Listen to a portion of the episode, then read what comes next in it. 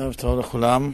לקראת סוף השיעור נאמר כמה השלמות לשיחה של שבוע שעבר, שתהיינה בנויות על השיחה, וכבר עכשיו הייתי מבקש ממי שלא שמע את השיחה, שיצרף אותה למה שנשלים, ולא יסיק מסקנות על פי ההשלמות לבד. ניתן לראות אותה בכל הלשון ובאתר שלי ובעוד מקומות. אחד המקורות לגלות ישמעאל, המקור הזה מופיע גם בספר, זה רבנו בחיי על פרשת ניצבים, דברים פרק ל', ונתן השם את העלות האלה על אויביך ועל שונאיך. אומר רבנו בחיי, על אויביך זה עשיו, זה ישמעאל, סליחה, על אויביך זה ישמעאל, ועל שונאיך זה עשיו, וקרא לעשיו שונא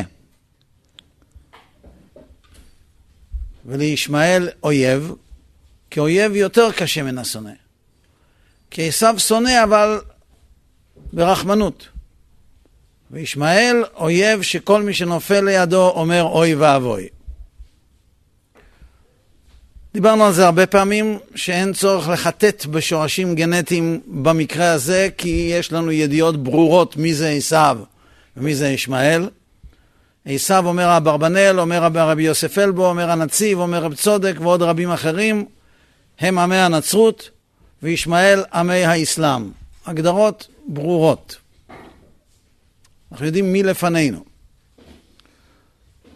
אנחנו גם יודעים שלקראת אחרית הימים יהיה שילוב זרועות, שילוב ידיים בין עשיו לישמעאל, שהרי אנחנו אומרים בסליחות אשכנזים, כלה שעיר וחותנו ועלו לציון מושיעים. גם בצלם שראה נבוכדנצר מתחלקות אצבעות הרגליים לשני חלקים, חלקם של ברזל. אדום, אומר רבנו סעדיה גאון, פירוש המיוחס לרבנו סעדיה גאון, וחלקם של חרס, זה ישמעאל. זה הסוף. כלומר, בסוף יהיה בעיה עם עשיו וישמעאל. אגב, חלקם של חרס, זה מעניין כי אברהם אבינו רוחץ את רגלי הערביים כי הם עובדים לאבק רגליהם. אבק חול ברגליים וחרס ברגליים זה אותו דבר. לפי זה אני הבנתי למה במלחמת ששת הימים, מלחמת יום הכיפורים ובמבצע סיני, כשהם ברחו, הם חלצו את הנעליים ורצו יחפים. כי הם uh, התפללו לאלוהים שלהם, לאבק רגליהם, רצו שיהיה להם אבק ברגליים. את הצירוף בין עשיו לישמעאל ראינו במלחמת העולם השנייה. הברית שקראת היטלר עם חאג' אמין אל-חוסייני, שהיא אמנם ברית סמלית, אבל הברית שקראת היטלר בצורה סודית עם אבן סעוד, שסיפק לו נפט, שבלעדיו הוא לא יכול היה להתחיל את מלחמת העולם השנייה ואת כל החורבן הנגזר ממנה, זו כבר ברית משמעותית יותר. והיום לכאורה אנחנו לא רואים את השיתוף בין עשיו לישמעאל, לכאורה עמי הנצרות עומדים לצידנו בעיקר האומה הנוצרית הגדולה ביותר, אלה שחרטו על, את אלוהיהם על כספם. אתם יודעים שכל עם מברך בשם אלוקיו. אנחנו אומרים שלום. זה אחד משמות האלוקים. הם אומרים ביי. זה האלוהים שלהם, to go shopping. חסר יהיו, אבל זה בסדר. אז לכאורה אנחנו לא רואים, אבל רק לכאורה. הדברים של רבנו בחיי לכאורה מסמרים שיער. עשיו שונא אבל ברחמים, איך אפשר להבין את זה? שיבוא איתי רבנו בחיי, במחילה מכבוד תורתו, לסיור בפולין. אני מוכן בהזדמנות הזאת לקחת אותו גם לקובנה, למבצר השביעי ולמבצר התשיעי וליער פונר ולבאבי יער בקייב באוקראינה. ברחבי ברית, אני נסעתי פעם ברחבי ברית המועצות לשעבר, מווילנה עד אומן, עם רבי ישראל מאיר גבאי, שמכיר כל סנטימטר. כל חמישה קילומטר במרחב העצום הזה יש קבר אחים. יש עשרות אלפי קברי אחים שם. אז על מה הוא מדבר? עשיו שונא אבל ברחמים. אבל, בחד הקמח, ספר אחר של רבנו בחיי, אנציקלופדיה, הוא אומר הפוך. שעשו שונא, עשו נקרא אויב, וישמעאל הוא השונא. והכל מתבהר. הם פשוט מתחלפים בתפקידים. במהלך ההיסטוריה עשו היה האויב. בספרד, במסעי הצלב, בחורבן בית המקדש, וכמובן השיא השיא של האויבות שלו הייתה, היה החורבן הגדול. בתקופה שבה מדברת התורה על פרשת ניצבים, מתחלפים התפקידים. ואני עוצר בשטף הדברים כדי להגיד את המשמעות של הדברים שאנחנו מדברים. המשמעות הללו זו בחינת רבי עקיבא משחק. בגמרא בעמוד האחרון במסכת מכות.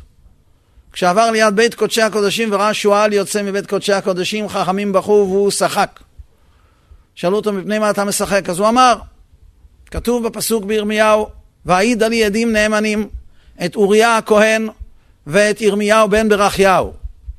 אוריה הכהן היה תלמידו של ירמיהו שעבר ממקום למקום ואמר את נבואות ירמיהו. זכריהו בן ברכיהו היה בבית שני, תחילת בית שני.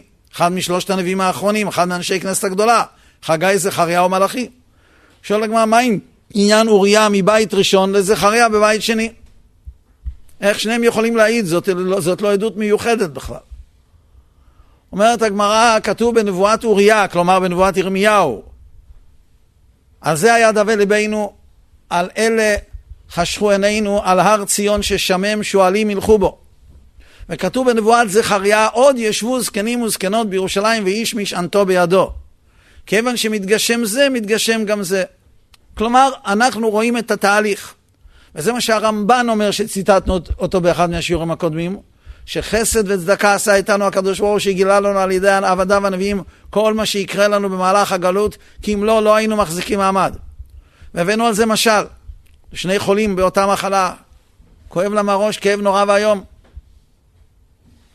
ובדור שלנו יש פחות כאבי ראש, כי הראש כבר לא כואב, כן, אפילו לא כואב. אבל פעם היו כאבי ראש גדולים. ואחד הלך לרופא שלא מדבר. רשם לו מרשם, לקח את התרופה והכאב ראש התגבר וכל הגוף שלו כעת התווסף להמולה. הוא מאוד מודאג, מה קורה פה? השני קיבל את אותה תרופה אבל מרופא שמדבר. אומר לו, תדע לך, התהליך יהיה כך, אתה תבוא הביתה, תיקח את התרופה, הכאב ראש יתגבר. לאחר מכן כל הגוף יכאב. סימן שהתרופה עוברת, אחר כך הכל יירגע ותרפא.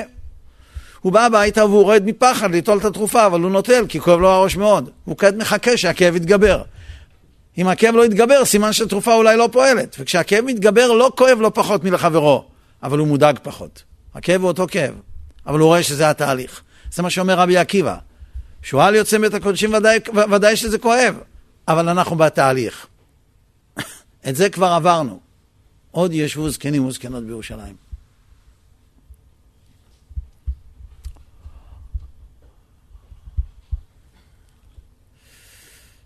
גם מה שאנחנו אומרים פה, להראות שכל התהליכים שעוברים עלינו כתובים מראש, וזה רק השלמה לספר, ששם כתוב הכל במפורט, זה גם כן בבחינת רבי עקיבא משחק. בבחינת שועל המבשרת עוד ישבו זקנים וזקנות בירושלים. מתי מדברת התורה? על איזה תקופה מדברת התורה בפרשת ניצבים? אמרנו, בדרך כלל עשיו הוא האויב וישמעאל הוא השונא, כמו שראינו לאורך ההיסטוריה, הרי אנחנו פה נמצאים יהודים שבאו, משפחותיהם, חלק באו מארצות הנצרות וחלק באו מארצות האסלאם. וכולנו יודעים שאלה שבאו מארצות הנצרות סבלו הרבה יותר מאלה שבאו מארצות האסלאם. קחו את ספרד כמודל. כל עוד שהמוסלמים שלטו בספרד, היה תור הזהב ליהדות ספרד. גדולי תורה, פוסקי הלכה, פילוסופים, הוגי דעות, אנשי שררה שם במקום. ברגע שהנצרות השתלטה על ספרד, אותה ספרד עצמה הפכה לסמל של הזוועה. עם גלות ספרד, עם אוטודפה, עם האינקוויזיציה. אדום הייתה אויב וישמעאל שונא. מתי זה התהפך? פרשת ניצבים. באיזו תקופה, על איזו תקופה מדברת התורה בפרשת ניצבים? פרק ל', החל מפסוק א', והיה כי יבואו עליך כל הדברים האלה, הברכה והקללה, כלומר חורבן בית ראשון, חורבן בית שני, חורבן בית ראשון שמתואר בפרשת בחוקותיי, חורבן בית שני שמתואר בפרשת כי תבוא והגלות. והשבות אל לבביך בכל הגויים אשר ידיחך השם אלוקיך שמה. תהיה התעוררות לתשובה בכל העולם. גם את זה כבר ראינו. ניצנים לפחות. ושבת עד השם אלוקיך ושמעת בקולו. ושב השם אלוקיך את שבותך וריחמך, ושב וקיבצך מכל העמים אשר הפיצך השם אלוקיך שמה.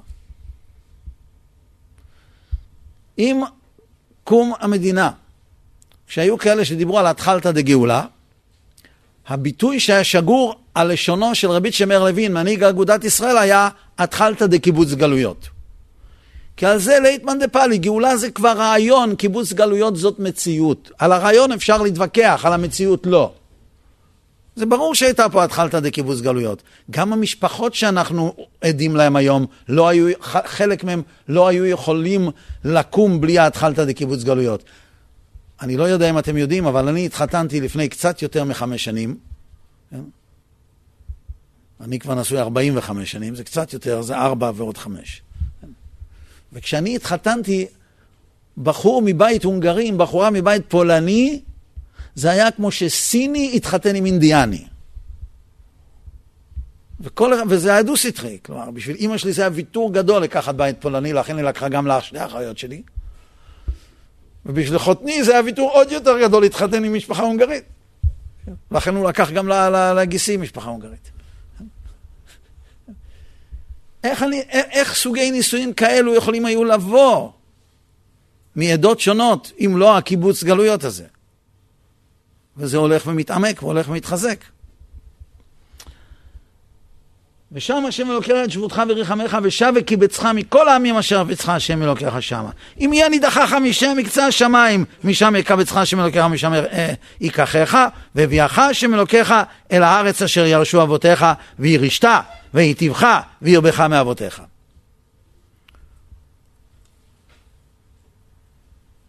שני פסוקים אחר כך.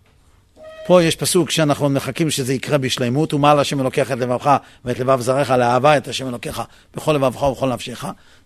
גם בזה יש ניצנים של תהליך, שהקדוש ברוך הוא זיכה אותי להיות בתקופות מסוימות שותף, שותף זוטר בו. ונתן השם אלוקיך את העלות האלה על אויביך ועל שונאיך אשר רדפוך. ופה רבנו חי אומר, אויביך זה ישמעאל, שונאיך זה עשיו, כאן ישמעאל מקבל את התפקיד של אויב, שכל מי שנופל לידו אומר אוי ואבוי, ועשיו נשאר רק בתפקיד של שונא. כלומר, בזמן שמתגשמים הדברים הללו, מתהפכים התפקידים, ולעומת זאת בכד הקמח הוא מדבר על כלל ההיסטוריה והכל מובן. הכל מובן, הכל מסורטט מראש. מה שאני לא מבין, איך שונאים ברחמנות? עשיו שונא על דרך הרחמנות. איך שונאים ברחמנות? שמעתם בדבר כזה? לשנוא ברחמנות? מין חמסין קר כזה, מין גשם יבש, מין אש רטובה? איך שונאים ברחמנות? צריך להוציא פרשת ניצבים עם פירושו של הגויין הגודל רב ג'ו, ביידן. הוא מלמד אותנו מה זה נקרא לשנוא ברחמנות. לא שהוא שונא אותנו ברחמנות. הוא משתמש, הוא וכל חבריו האירופאים, כל אנשי עשיו, משתמשים ברחמנות מי יותר ומי פחות, מי יותר בגלוי ומי פחות בגלוי, כדי לשמר את המצב המלחמתי פה כדי שנמשיך להקיז דם. מסדרונות הומניטריים, ליבו שותת דם כשהוא רואה ילדים פלסטינאים. אה, למה הוא מסתכל? אני לא יודע. אדם בגילו, שבלב אשתו דם, למה הוא מסתכל? לא צריך להסתכל. עשיו שונא אבל ברחמנות. משתמשים ברחמנות לשנאה. ועם הרחמנות הזאת הם מנסים לאנוס אותנו, לעשות מעשים שיזיקו לנו. הם לא אומרים שהמעשים לא יזיקו לנו. הם לא באים לתת לנו עצות שזה יותר טוב לנו. אלא רחמונס. צריך רחמנות. כל המרחם על האכזרים, סופו מתאכזר על הרחמנים. זאת אומרת, זה סוג של רחמנות שהיא אכזריות. זה פשט ברבנו בחיי. ממש. אני חושב שייתנו לו מקום בין גדולי הפרשנים שם. אבל זה לא, זה לא נגמר פה. אומר יונתן בן עוזיאל, זה כבר תנועים. יונתן בן עוזיאל היה תלמיד של רבי יוחנן בן זכאי. זה כבר תנועים, זה כבר הרבה הרבה הרבה לפני רבנו בחיי. רבנו בחיי זה 700 שנה. יונתן בן עוזיאל זה כמעט 2,000, 1,800, 1,900 שנה. הוא כותב ככה בתרגום יונתן: ויגרא מימרא דהשם אלוקחון ית לבתי ההילן על בעלי דבבי חון והשם ייתן את הקללות האלה על השונאים שלכם, דעיקו ידחון בגלבתחון, שהציקו לכם בגלות, ועל שנאי חון ועל השונאים, על, על, על בעלי דבבי חון זה על אויביך, ועל שנאי חון זה שונאיך, דרדפו מן בתריכון, עד די אנסו ידחון. ועל שונאיך, שמכריחים אותך, שכופים עליך. למה הוא כותב את זה? כתוב אשר רדפוך, לא כתוב אשר הכריחו אותך. ממתי המילה אנסון זה תרגום מילולי של רדיפה? אנחנו יודעים ארמית קצת, נכון? אנחנו לומדים גמרא, אנחנו לומדים, לומדים גם ירושלמי. כלומר, יודעים גם ארמית ירושלמית של יונתן בן עוזיאל. מה פתאום אנסו? אבל זה הרחמנות. עם הרחמנות הם ינסו להכריח אותך לעשות כל מיני דברים שאתה לא רוצה לעשות, כי זה לא לטובתך.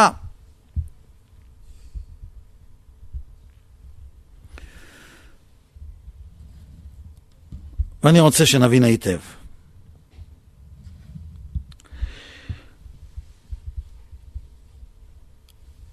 אני רוצה לחזור צעד אחד אחורה.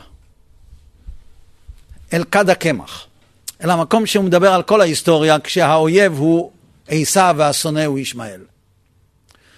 בזמן האחרון מדברים הרבה על כך שאותם רוצחים הם כמו נאצים. זה כמו בשואה, כמו ב...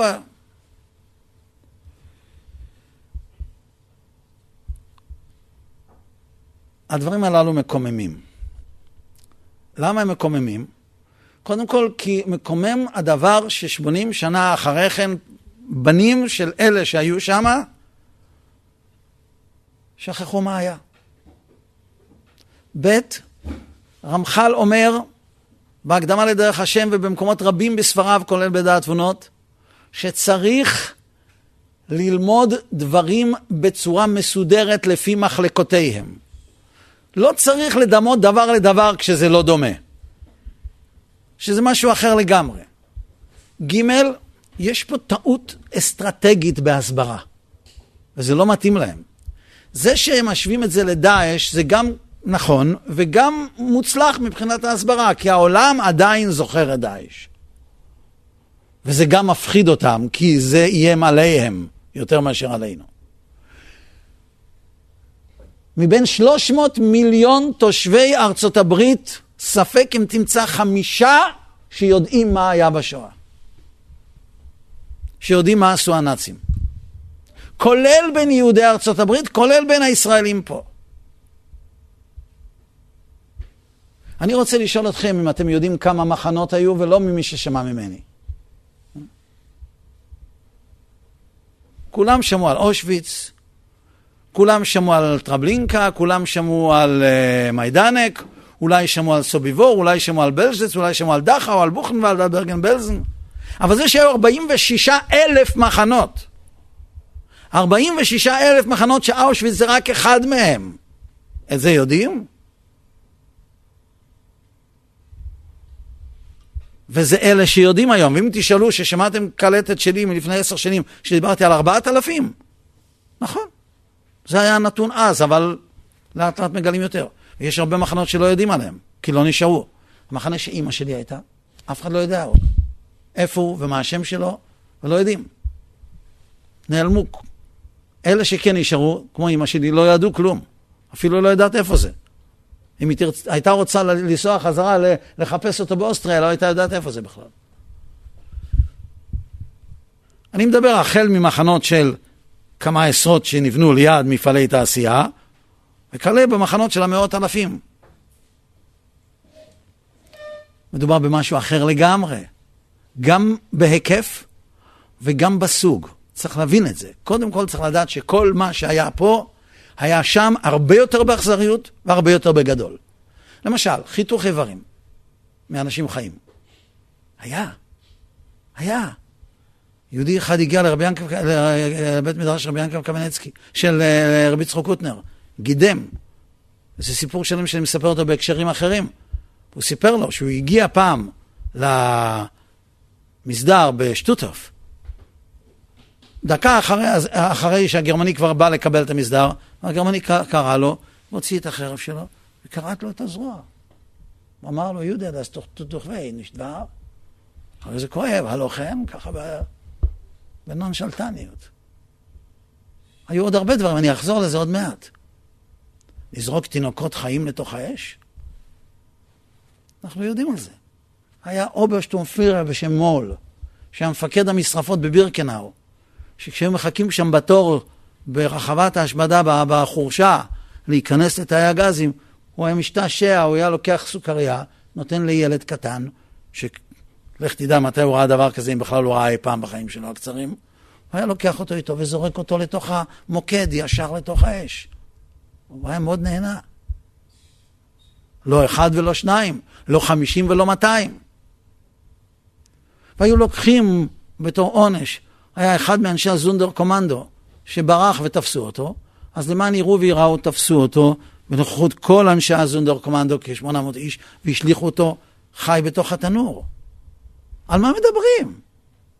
עוד לא הגעתי לדוקטור מנגילה וניסויים רפואיים.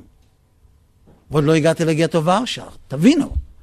תמיד שואלים אותי למה אני אומר שהאירועים של השואה הם הכי האיומים שהיו. הרי יש חורבן בית ראשון, חורבן בית שני. אז זה לא אני אומר, מכירים אותי, אני לא מדבר מהבטן. אני אפילו לא מדבר מהלב. אני מדבר מהמקורות. הרבי מפיאסצנה היה בגטו ורשה. הוא איבד שם את בנו בסוכות הראשון, עוד לפני שהוא קם הגטו.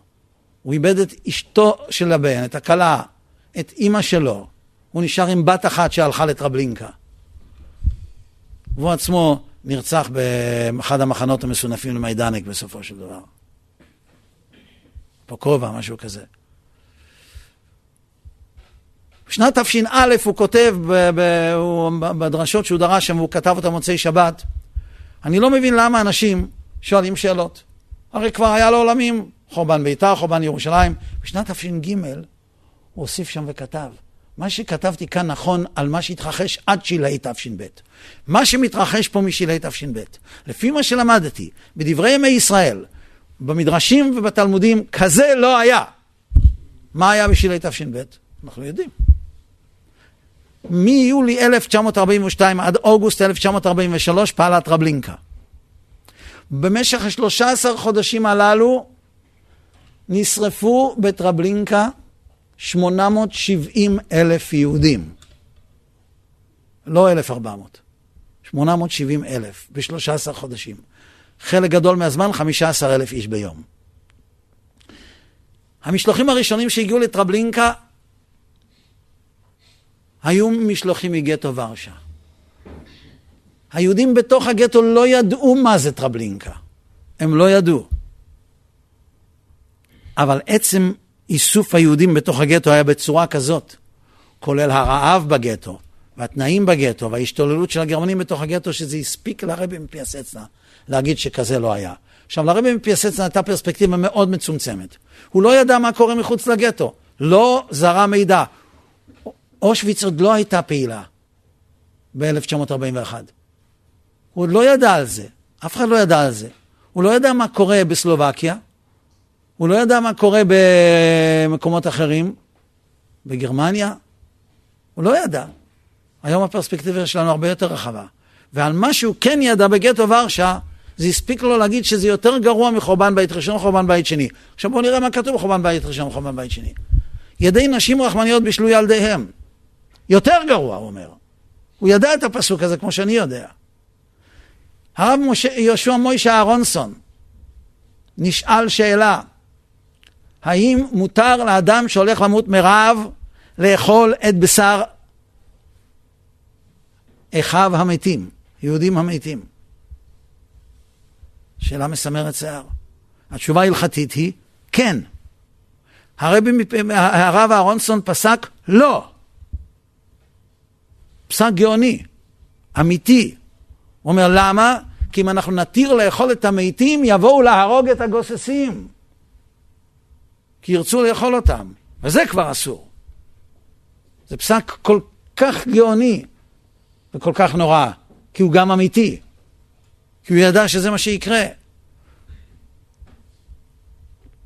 פרימו לוי מספר, בן אדם היה מוציא את היד שלו מהדרגש בלילה, בבוקר הוא היה מוצא שאין לו אצבעות, כי אכלו לו אותם. על מה מדברים בכלל? אני לא רוצה להמשיך. פשוט מסמר שיער כל הפופולריזציה של דברים והחוסר פרופורציה של דברים. וכל מה שאמרתי עכשיו לא אומר כי הוא זה לא מוריד מילימטר מהז... מהנוראות ומהזוועות של אותו אויב שמי שנופל לידיו אומר אוי ואבוי. אבל האויב של הפעם, הקודם, של הפעם הקודמת היה יותר נורא. ואתם יודעים למה? פה אני מגיע לנקודה שאני רוצה להגיד. אחד ההבדלים הגדולים בין אויב, כשעשו הוא אויב לכשעשו הוא שונא, זה ההבדל בין עשו לבין ישמעאל. סליחה, אמרתי משפט שטות. אחד ההבדלים הגדולים בין כשעשו הוא אויב לבין כשישמעאל הוא אויב, זה ההבדל הגדול בין עשו לבין ישמעאל. ישמעאל הוא פרא אדם. עשו הוא חכם. שנאמר, ועבדתי חכמים מאדום. לא סברות, לא פלפולים, הכל מקורות. כמו שנאמר על ישמעאל והוא יהיה פרא אדם, כך נאמר על אדום שהם חכמים. וראינו את זה. וזה הרבה יותר מסוכן כשחכמים עומדים מאחורי זה. ואני אסביר. נתחיל מהפרא אדם. הנס הגדול של יום כיפורים, של uh, שמחת תורה, היה שישמעאל הוא פרא אדם. למה? הרי היום ידוע שהייתה להם תוכנית אחרת לגמרי. הרי הם נכשלו כישלון טוטאלי בתוכנית שלהם. הם לא תכננו להיות, להיאחז פה אה, 18 שעות, וזהו. הם הביאו איתם כמות של כלי נשק לא בשביל להרוג אנשים ולאסוף שבויים.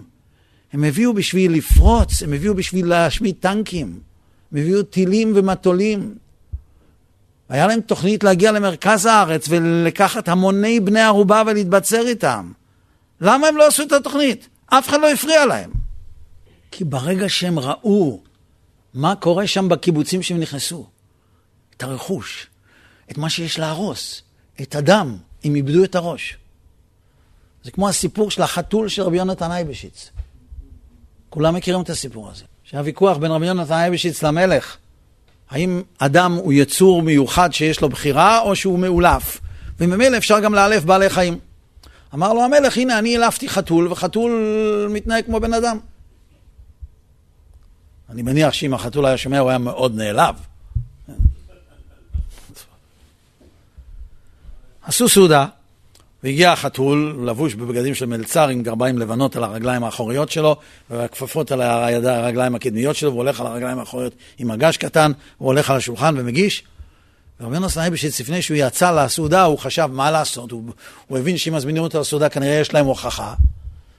אז הוא הוציא, מה עושה יהודי כשהוא חושב? מוציא את הקופסת טבק. הוציא את הקופסת טבק, לקח את שמק טבק, קפץ לו עכבר לתוך הקופסה, סגר את הקופסה, שם בכיס. כשהוא רואה את החתול מתנהג כל כך יפה כמו בן אדם, אז הוא מתחיל לחשוב מה לענות על זה. מה עושה כשיהודי שהוא חושב? מוציא את הקופסה טבק, פותח את הקופסה, והעכבר קפץ. חתול ראה את העכבר, זרק את הכל, קרע את הבגדים, קפץ על הראש של האנשים ורדף אחרי העכבר. זה מה שקרה לפרא אדם. כמו שאמר החפץ חיים, הוא יכול להיות אדם פרא. אבל הוא יכול להיות רופא, הוא יהיה רופא הפרא. הוא יכול להיות מהנדס, הוא יהיה מהנדס פרא. כלומר, הם יכולים לתכנן בדיוק כמו שכל האחרים מתכננים. אבל ברגע שהוא רואה את מה שמושך את ליבו ואת יצריו, ברגע שהוא נכנס בסערת יצרים, ואז הם התמקדו שם, ובזה זה נעצר. זה נורא. אבל זה... פחות נורא ממה שהם תכננו לעשות. זה בגלל שהוא פרא אדם. כלומר, יש פה משהו אחר במהות. לעומת זאת, עשיו הוא חכם. עשיו הוא חכם. וראינו את זה בגרמניה. אתם יודעים שהגרמנים הוציאו להורג את מפקד מחנה מיידנק, שאחר כך מפקד מחנה אה, בוכנוולד, קרל קוך, כי הוא היה סדיסט. כי הוא היה סדיסט כלפי האסירים. זאת אומרת, הוא לא פעל לפי התקן. הוא היה ספונטני. הוא היה פרא אדם, זה לא מתאים לאדום. יש תוכנית. דיברתי קודם על חיתוך איברים. יש מי שחותך איברים, השם ירחם בגלל שהוא פרא אדם. הגרמנים גם עשו את זה, גם זה היה. אבל היה להם תוכנית גם כן. הם כרתו איברים כדי לעשות ניסיונות רפואיים להשתיל איברים בקטועי הגפיים שלהם מהמלחמה. זה ניסויים פסבדו-רפואיים, הניסויים האלה לא הוציאו, לא העלו שום דבר, אבל זאת הייתה תוכנית. זאת הייתה תוכנית מסודרת של התעללות. תוכנית מסודרת של התעללות. לקחת יהודים שהם יהיו אלה שיפעילו את בית החרושת הגדול למוות, מה שנקרא זונדר קומנדו. והם יעשו את כל העבודות שם, כולל שרפת הגופות והכל. אפשר בכלל להשוות את זה? זה מה שקורה כשחכם עושה את זה. וכשחכם עושה את זה, אז מדובר במיליונים. איש על מחנהו ואיש על דגלו, כל אחד, כל מקום עם השיטה שלו. אתם יודעים שפרנס שטנגל, שהיה בתפקידו האחרון לפני שהוא נסגר העסק, מפקד מחנה טרבלינקה, מעולם לא נגע בזבוב, מסתובב במחנה במדים מצוחצחים, והוא אף פעם לא הרג מישהו, הוא רק ניהל את העסק. 870 אלף יהודים נשרפו שם.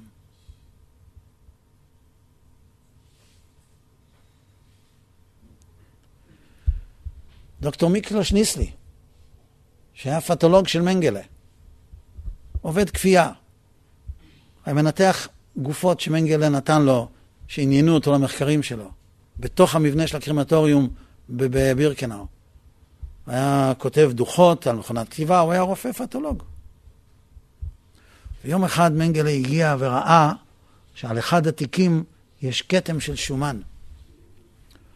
אז הוא אמר לו, איך אתה לא מתבייש לטפל בגסות כזאת בתיקים שאני מפתח אותם באהבה כל כך רבה? דוקטור מיקלוש ניסלי כותב, המילה אהבה יצאה מפיו של דוקטור מנגלה. בכלל אפשר להשוות? עוד לפני שנדבר מה יותר ומה עוד יותר. זה משהו אחר. זה ועבדתי חכמים מאדום. אני חושב שהדברים ברורים כבר. אני עוד לא דיברתי על, ה, על המבנה המאוד משוכלל של העברת היהודים אבל אני רוצה שתבינו את זה. אירופה מרושתת במערכת רכבות עד היום הזה. כשנוסעים בפולין ברכבות, נוסעים על אותן מסילות ברזל. אתה יכול לנסוע חמש שעות מקרקוב לוורשה, ואתה יכול לנסוע בשעתיים ברכבת. וחברת הרכבות הגרמנית הובילה את היהודים. לקחו מהיהודים כסף על הנסיעה למוות. כרטיס רכבת. גבו כסף. זה עלה כסף. קרונות בקר והכל. לקראת השמדת יהודי הונגריה, שבהם משמי, הובילו חצי מיליון יהודים תוך שלושה חודשים מהונגריה לפולין, כלומר תוך כדי חציית סלובקיה, ברכבות. זה היה בזמן שלא היה דלק למטוסים. מטוסים לא התרוממו בגרמניה, כי לא היה דלק למטוסים. לא היו קרונות רכבות להוביל טנקים לחזית הרוסית. אבל כל מה שהיה צריך להשמדה היה. שלוש רכבות ביום הגיעו מהונגריה. יום-יום. כל רכבת, ששת אלפים יהודים. כולל הרכבת של אמא שלי.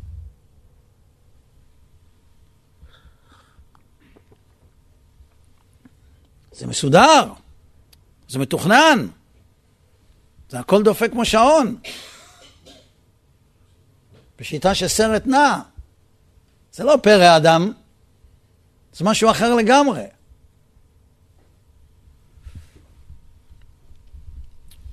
אבל למעשה כל ההיסטוריה, הם הכינו את עצמם לשלב האחרון. לשלב שבו מישהו אחר יוציא להם את ההרמונים מהאש, והוא יהיה האויב, והם יקבלו את התפקיד של השונא הנחמד, ברחמנות, מאחורי הקלעים, ולפעמים זה הרבה יותר מסוכן. הרי הנצרות היא דת האהבה הגדולה, מלאה רחמנות. מלחמת המפרץ הראשונה, אני, חודשים לפני שפרצה המלחמה, צלצלו עליי מקהילה בהונג קונג שאני אבוא לראש השנה הסיני להונג קונג. ראש השנה הסיני נמשך חמישה ימים, כי אי אפשר לתקוע בשופר למיליארד וחצי אנשים ביומיים, אז מורחים את זה על חמישה ימים. וכולם, כל אלה בהונג קונג, אז, זה היה עוד לפני שהונג קונג עברה לסין, זה היה עדיין שלטון בריטי, כל אלה בהונג קונג נוסעים לחופשה למנילה, לאוסטרליה, והקהילה הזאת שאליה הוזמנתי עושה בשבוע הזה שבוע של אה, ירחי כלה. כל שנה הם מזמינים מישהו, באותה שנה הזמינו אותי. אני כבר שלחתי להם מראי מקומות, ושלחתי להם אה, מה נלמד, והכל היה מסודר. ואז התחילה ההמתנה לקראת מלחמת המפרץ. ואני לא ביטלתי, כי אנחנו האמנו שעוד מעט זה מסתיים. ואז פרצה מלחמת המפרץ. ו... לא ידעתי מה לעשות. לנסוע, לא לנסוע. היה לי בבית שם אישה עם חמישה ילדים אז, קטנים, אחד אחרי השני. חדר אטום, עם מסכות ורעשנים ושאר ירקות. איך אני משאיר אותם לבד? אז אשתי לא ידעה מה להגיד לי. מצד אחד היא פחדה, מצד שני לא רצתה לקחת על עצמה אחריות לבד. כי אם אני לא נוסע אז לא יהיה להם שבוע לימודים, כי כבר לא יבוא מישהו אחר. כיוון שאני אז לימדתי בישיבה של חסידי בלז,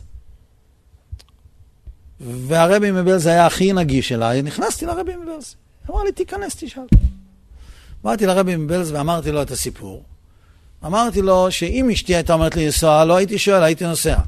ואם אשתי הייתה אומרת לי לא לנסוע, לא הייתי שואל, הייתי אומר שנשאר. חסידים כמעט התעלפו, הם לא הבינו איך אני מדבר, כן? לא כך שואלים רבל לכאורה, כן? אבל, אבל היא, היא ביקשה ממני לשאול, היא גם לא יודעת מה לעשות. אז הוא אומר לי, תיקח אותה איתך. אמרתי לו, זה לא הולך ככה, יש לי חמישה ילדים קטנים, זה... אז הוא אומר, תיסע ותגיד לה שאני אמרתי שהכל יהיה בסדר. באמת. אף חברה לא טסה, רק אל על, ואיך שאני, הלילה שיצאתי זה היה הלילה הכי קשה. אז היו שלוש אזעקות בלילה ב- ב- בירושלים. והייתי כבר במטוס, והייתה אזעקה כשהמטוס היה על המסלול. זה לא היו הטילים המצחיקים של החמאס, זה היה טילי סקאד, כל טיל בגודל של אוטובוס. אתה יושב על המסלול ויש אזעקה עכשיו, זה לא, לא, זה לא פגישה כל כך רומנטית בשמיים בין מטוס לטיל. כן?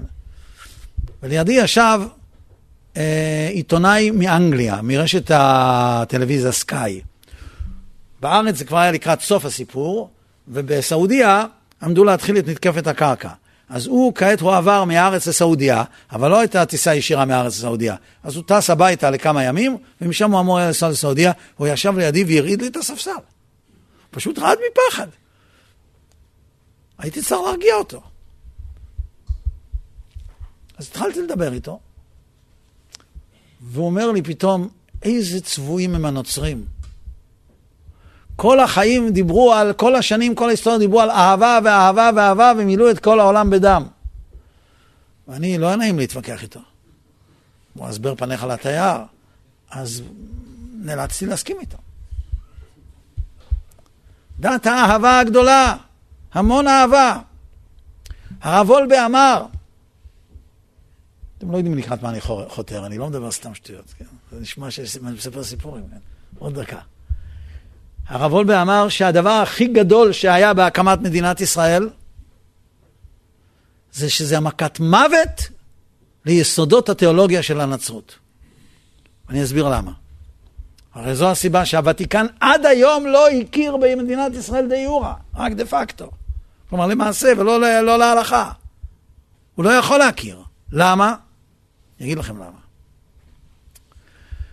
היהדות מלאה נבואות שהתגשמו ויש לי על זה הוכחות בספריית השיעורים שלי.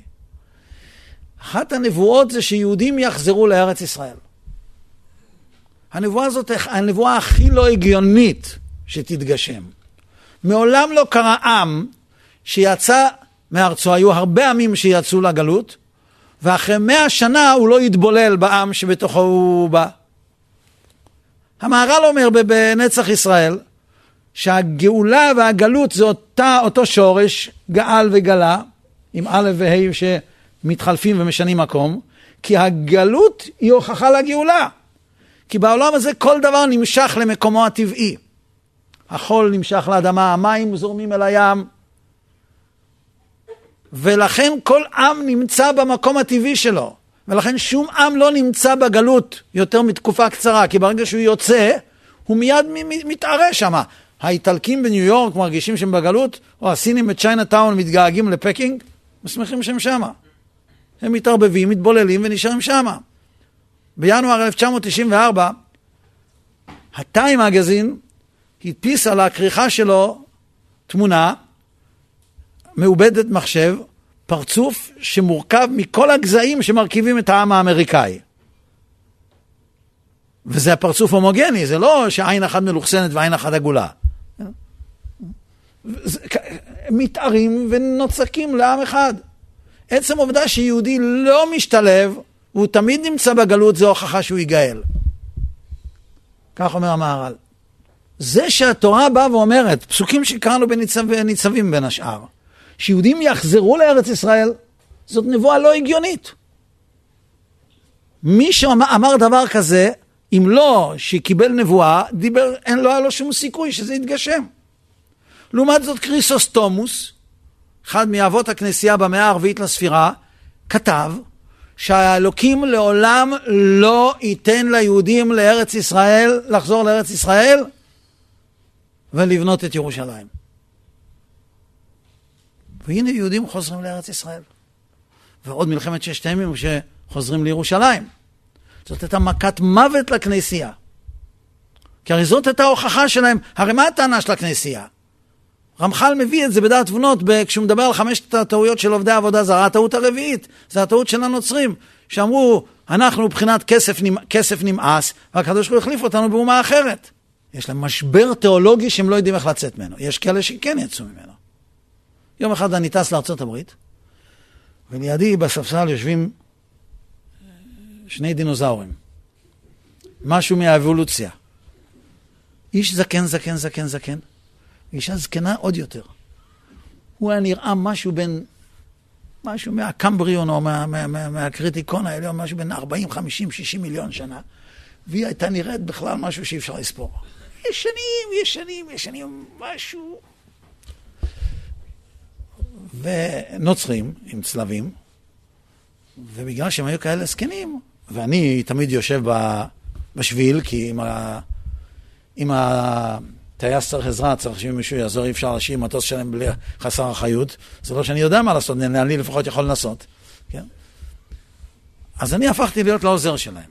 אנשים נורא נחמדים, מאוד מאוד נחמדים. כשהם היו צריכים לצאת, אני קמתי וליוויתי אותם לאן שהם צריכים ללכת, ואם היו רצו מים, אני הגשתי למטבח והבאתי, עזרתי להם. התיידדנו. שאלתי אותם מאיפה הם. הם אמרו לי שם של עיירה, שם בין 72 אותיות. אסור להגיד אותו לפני שאתה קובע חמש פגישות אצל רופא שיניים לפני כן. שאלתי אותם איפה הגיהנום הזה. אז הם הסבירו לי, הם ראו שאני מוגבל, אז הם הסבירו לי. בשפה שגם מוגבל כמוני יבין. זה איזה כפר אי שם בטקסס, שכדי להגיע לכאן, הנכד שלהם בא לקחת אותם, נסעו שלוש שעות לעיירה הקרובה, משם ברכבת שעתיים וחצי לדאלאס, מדאלאס טיסה לניו יורק, מניו יורק ילאה לתל אביב, וכעת הם עומדים לחזור את כל הדרך הזאת חזרה, בגיל שלהם. אמרתי להם, תגידו, מה קרה לכם? אין שמש בטקסס? אין חוף בפלורידה? בשביל מה אתם באתם? אמרו לי, תסתכל מסביב. ראיתי שזו קבוצה שלמה, לא כולם כאלה ותיקים בשטח, אבל לכולם היה את הטאג, זו קבוצה שלמה. אנחנו שייכים לקבוצה נוצרית, שמאמינה שמכיוון שהקדוש ברוך הוא נתן לכם את ארץ ישראל, זה אומר שאנחנו טעינו ואתם צדקתם. שאתם ישראל ולא אנחנו. ואנחנו כל שנה באים לכאן כדי לעודד אתכם לקחת אחריות. מאויביי תחכמני. שנה אחת היה לנו אה, סמינריון במלון הייט, מה שנקרא היום דן, על הר הצופים. בגלל שאני הייתי גר בסנהדריה, שזה מרחק חמש דקות נסיעה, לא לקחתי חדר במלון. למה אני צריך לאכול במלון כשאני יכול לאכול בבית? זה לא חינוכי. שאישה לא תבשל לפסח. שאשתי תבשל, מה אכפת לי? אז אני אוכל בבית והולך למלון כל היום, אני נמצא שם, משפחה בבית. מכיוון שאנחנו היינו כל היום בלי חדר, לא רק אני, אלא עוד כמה ירושלמים כמוני, אז נתנו לנו איזה חדר ישיבות קטן, שנוכל לשבת שם. וחדר הישיבות אחד לידינו, היו צעקות כל היום וכל הלילה. כאילו מישהו רוצח שם מישהו. צעקות, קבוצה של פיליפינים צעקו בלי הפסקה. פנינו לאיש ביטחון, אמרנו, תגיד, את מי הורגים שם? מה זה? הוא אומר, תשמעו סיפור. זו קבוצה נוצרית מפיליפינים, שמאמינים שהמש... שהמשיח לא יבוא ולא יהיה שלום בעולם עד שהקדוש ברוך הוא לא יבנה ליהודים את בית המקדש השלישי. החדר הזה, זה החדר מבין כל בתי המלון בירושלים הם בדקו, שנשקף מהחלון שלו את הנוף הכי טוב להר הבית, ומי שמכיר את הייט יודע שיש שם כאלה חדרים. ולכן כל שנה בחג הפסחא, באותה שנה פסח ופסחא, להבדיל, יצאו ביחד, הם שוכרים את המלון הזה, והם כל היום מתפללים לקדוש ברוך הוא שישלח את בית המקדש ליהודים לירושלים. כשהם יוצאים, יצאו מפה אחרי שיגמר להם הכל, כלומר כשתיגמר הפסחא, הם כבר מזמינים את החדר הזה לשנה הבאה שלא יתפסו להם. זה המשבר השנה, אבל הם, זה קבוצות קטנות. רוב הנצרות התיאולוגית, לא מדבר על אלה שהם סתם, במשבר עמוק מאז שיהודים חזרו לפה והצליחו. ולכן, מוריי ורבותיי, חשוב להם שאנחנו נדמם פה. מצד אחד, מבחינה פוליטית ואסטרטגית, חשוב שתהיה פה מדינה דמוקרטית, כי הם פוחדים גם מהערבים. אבל מצד שני, להצליח יותר מדי פה זה לא טוב להם. ולכן הם שונאים אבל ברחמנות. הם שונאים אבל ברחמנות.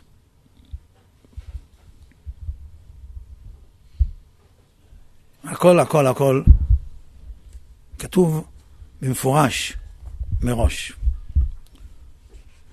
נסיים את הקטע הזה בציטוט מתוך ישעיהו ס"ו.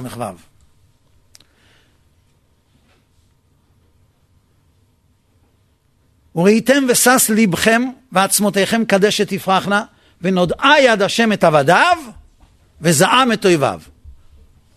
יד השם, הנה יד השם היה במקנך, נודעה את עבדיו, גם אנחנו נקבל על הראש, אבל וזעם את אויביו. איך וזעם את אויביו?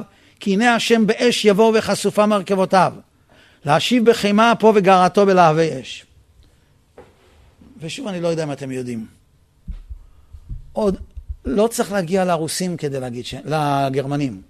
מה שהרוסים עשו בגרמניה ב-1945, זה אין לשער ואין, כל מה שקרה פה זה אפס קצהו מה שהם עשו בכפר אחד, מכל בחינה שלא תהיה.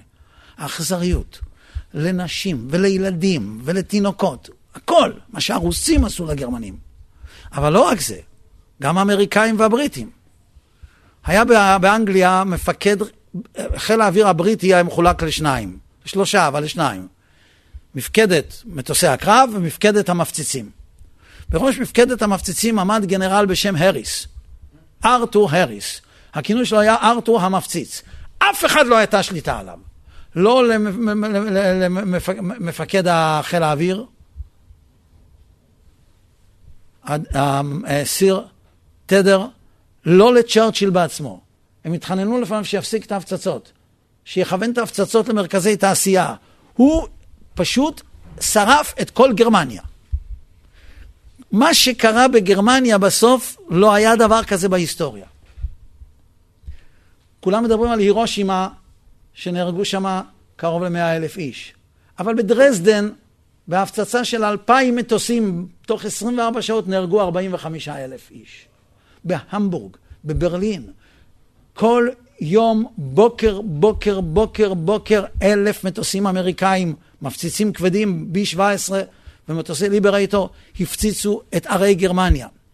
לילה לילה אלף מטוסים בריטים ולבריטניה מה שלא היה, או לא היה לה צבא כל כך חזק, אבל היה לה חיל האוויר מן הסתם החזק ביותר בעולם באותה, באותה תקופה. הפציצו אותו דבר. הכל עלה באש. הכל עלה באש. ולהריס הייתה רשימה של כל ערי גרמניה, ועד שהוא לא שרף את כולם, לא, הוא לא נרגע. קינא השם באש יבוא, וכסופה מרכבותיו. אש יוצרת סופה. תשאלו כבאים. להשיב בחמא אפו וגרעתו בלב האש, כי, השם, כי באש השם נשפט, ובחרבו כל בשר, ורבו חללי השם. המתקדשים והמתארים אל הגנות. מי זה המתקדשים והמתארים? המתקדשים, אומרים המפרשים, זה הנוצרים, והמתארים זה המוסלמים. אחד אחד בתווך אוכלי בשר החזיר, זה הנוצרים והשקץ והעכבר, יחדיו יאסופו נום השם.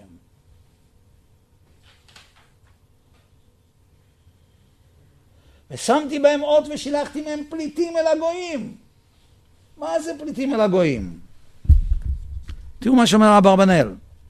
מתקדשים ומתארים על הישמעאלים שהם מראים עצמם קדושים וטהורים ברוב רחיצתם. ושמתי בהם אות ושילחתי מהם פליטים. רוצה לומר שיסובב השם שימלטו במלחמה וילכו אל הגויים, אל מי? שהם הטורקוס, ואל האנגלים, ואל היוונים, ואל ארץ איטליה. כל, כל המדינות הללו מלאים פליטים מוסלמים. כל העולם מלא מהפליטים האלה. המדינה היחידה שהיה לה שכל לא לקבל מוסלמים זה פולין. פולין אין מוסלמים. המקום הכי בטוח בעולם זה פולין היום.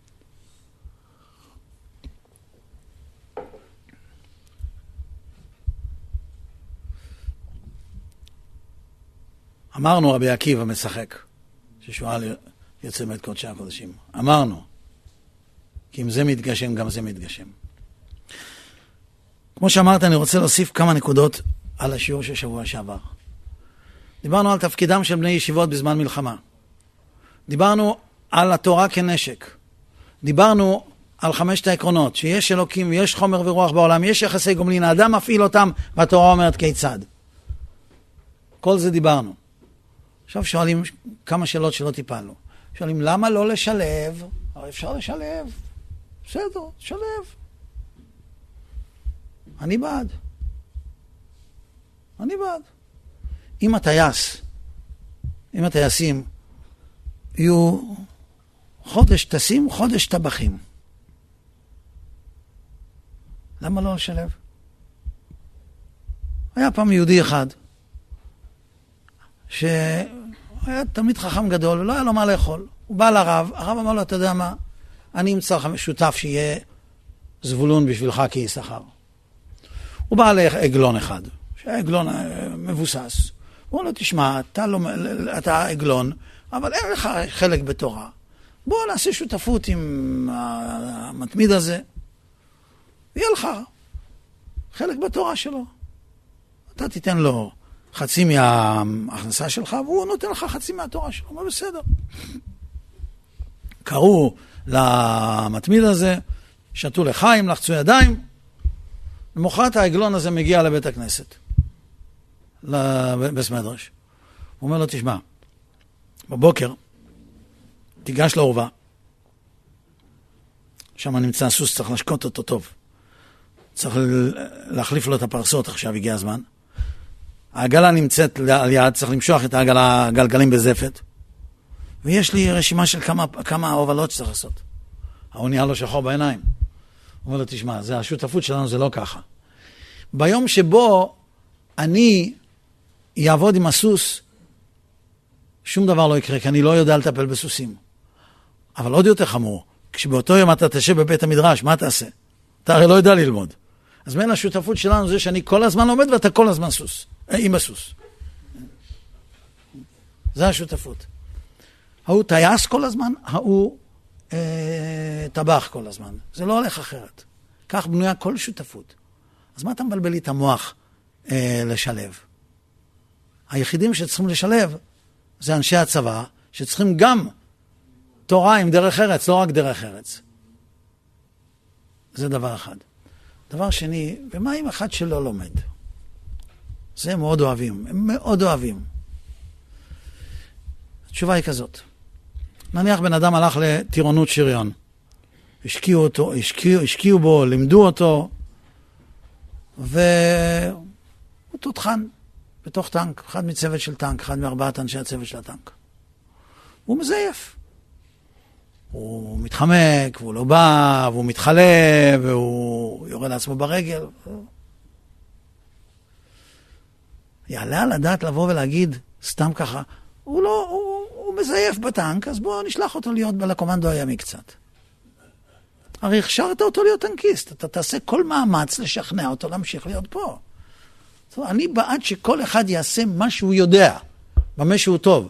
הרבה פעמים, בזמנו הרב שטיינמן קרא לכל אברך להפריש מעשר זמן ולצאת לפעילות של לב לאחים, ללמוד עם כל מיני אנשים. הם באו אליי ואמרו לי, ומה נעשה, אנחנו לא, מה, מה, מה אני אצא, אני אצטרך ללמוד מדע? אמרתי לו, אל תיתן הרצאות על תורה ומדע, אל תדבר על פילוסופיה, אתה לא מבין בזה כלום. חוץ מזה, אם אני הייתי חושב שאתה תלך לתת הרצאות תורה ומדע, הייתי משכנע אותך מה אני צריך קונקורנציה? כן? בשביל זה יש את הרב נוגר, שלא צריך עוד אחד. אשתי אומרת שגם אחד זה יותר מדי. כן? אתה תעשה מה שאתה יודע. אתה יודע ללמד גמרא. אתה לא יודע איך ללמד גמרא חילונים? לך לרב אליהו בן שלמה. ראש ישיבה חשוב. הוא שנים, שנים, שנים, שנים, יש לו שיעור עם בכירי המשק בארץ. הוא יודע איך... אנחנו היינו מביאים את הרב אליהו בן שלמה לסמינרים שלנו, לתת שיעור בגמרא. הוא יודע איך עושים את זה. בזה אתה טוב. כל אחד צריך לעשות את מה שהוא טוב בו.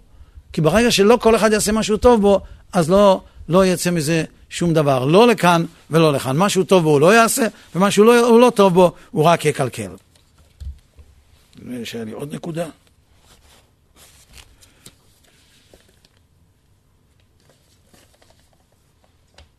כן.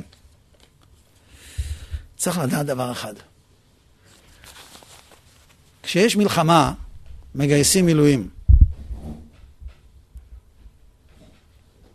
בערך 300 אלף איש היום מגויסים.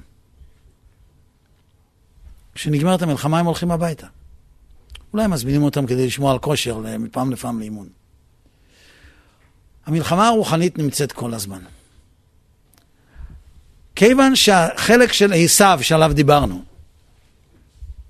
החכמים שבאדום, זה חלק של הלוכה, הלכה צריך להיות חכמים. הלוכה בידוע שעשיו שונא ליעקב, בזמן שאין מלחמה, מה, הוא פטור מהלוכה? אם אין מלחמה, אנחנו פטורים מלכות שבת? לא, יש רק הלכה אחת. מה, הוא לא יקיים אותה כשאין מלחמה? הוא מקיים את ההלכה הזאת כל הזמן. כל הזמן, כל הזמן המלחמה מתנהלת. על עמך יערימו סוד והתייעצו על צפוניך. אמרו לכו ונחידי מגוי, הם רק מחפשים הזדמנות. בשורשים הרוחניים, כל הזמן, כל הזמן המלחמה מתנהלת. ישמעאל מצד שני הוא כל הזמן פרא אדם. הוא לא פרא אדם רק כשהוא נכנס לקיבוץ בארי. הוא כל הזמן פרא אדם. בשורש הרוחני כל הזמן. ולכן המלחמה הרוחנית נעשית כל הזמן, כל הזמן. זה לא שפתאום יש מלחמה, פתאום בני הישיבות יושבים ולומדים. לא. המלחמה מתנהלת כל הזמן, כל הזמן. ולכן אין, אין, אין חופשה מלהיות בן אדם, אין חופשה מלהיות יהודי, ואין חופשה מלהיות בן תורה. תודה רבה.